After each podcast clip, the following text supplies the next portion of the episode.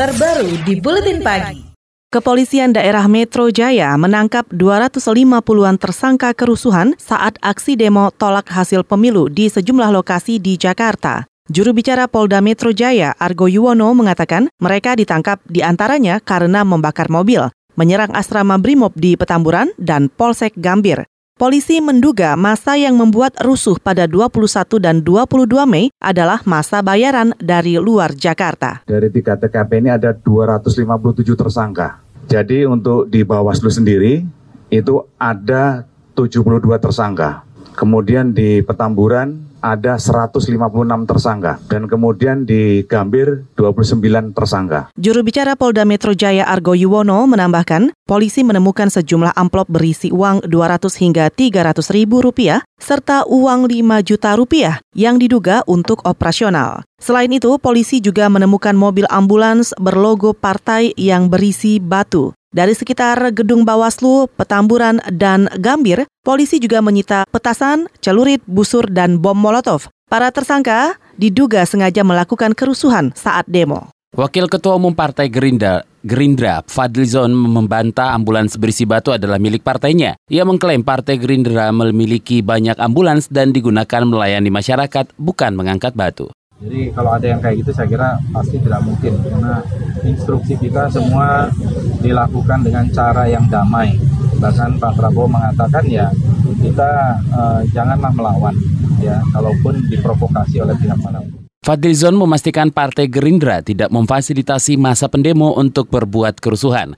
Apalagi kata dia Ketua Umum Gerindra Prabowo Subianto telah mengimbau masa melakukan aksi dengan damai dan tidak terprovokasi.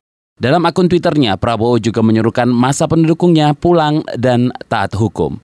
Juru bicara Badan Intelijen Negara atau BIN, Wawan Hari Purwanto, mengingatkan aparat untuk mewaspadai teroris yang menyusup di kerumunan masa aksi tolak hasil pemilu 2019.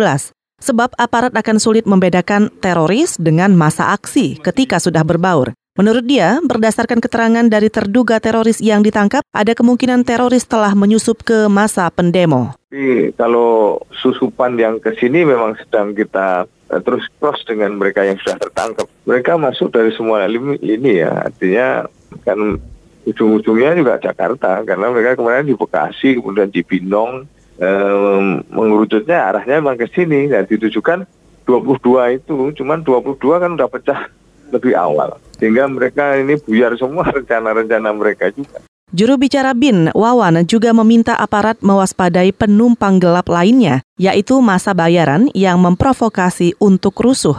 Sementara itu, Presiden Joko Widodo memerintahkan Kapolri Tito Karnavian dan Panglima TNI Hadi Cahyanto menangkap semua perusuh yang mengganggu setiap proses pemilu 2019. Jokowi menegaskan negara tidak akan menoleransi tindakan yang memicu kerusuhan. Tidak hanya di Jakarta, saudara, kerusuhan juga terjadi di Sampang, Madura. Di sana, Mapolsek Tambelengan diduga dibakar masa. Di Pontianak, Kalimantan Barat, masa membakar dua pos polisi setelah sempat bentrok dengan polisi. Diduga karena dipicu berita bohong dari media sosial. Gubernur Kalimantan Barat, Sutarmiji, menyebut Aksi ricuh di Pontianak dipicu provokasi dari pihak luar. 02 kan sudah akan ke MK.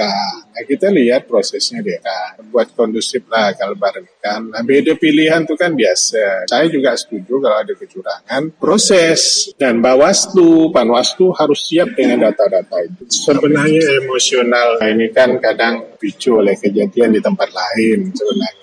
Kan. Gubernur Kalimantan Barat Sutarmiji tidak bisa turun langsung dalam penanganan aksi karena khawatir bakal memicu konflik. Pasalnya, Sutarmiji merupakan kader P3 yang berbeda pilihan politik dengan masa aksi. Ia meminta aparat keamanan menangani kerusuhan tersebut. KBR, inspiratif, terpercaya.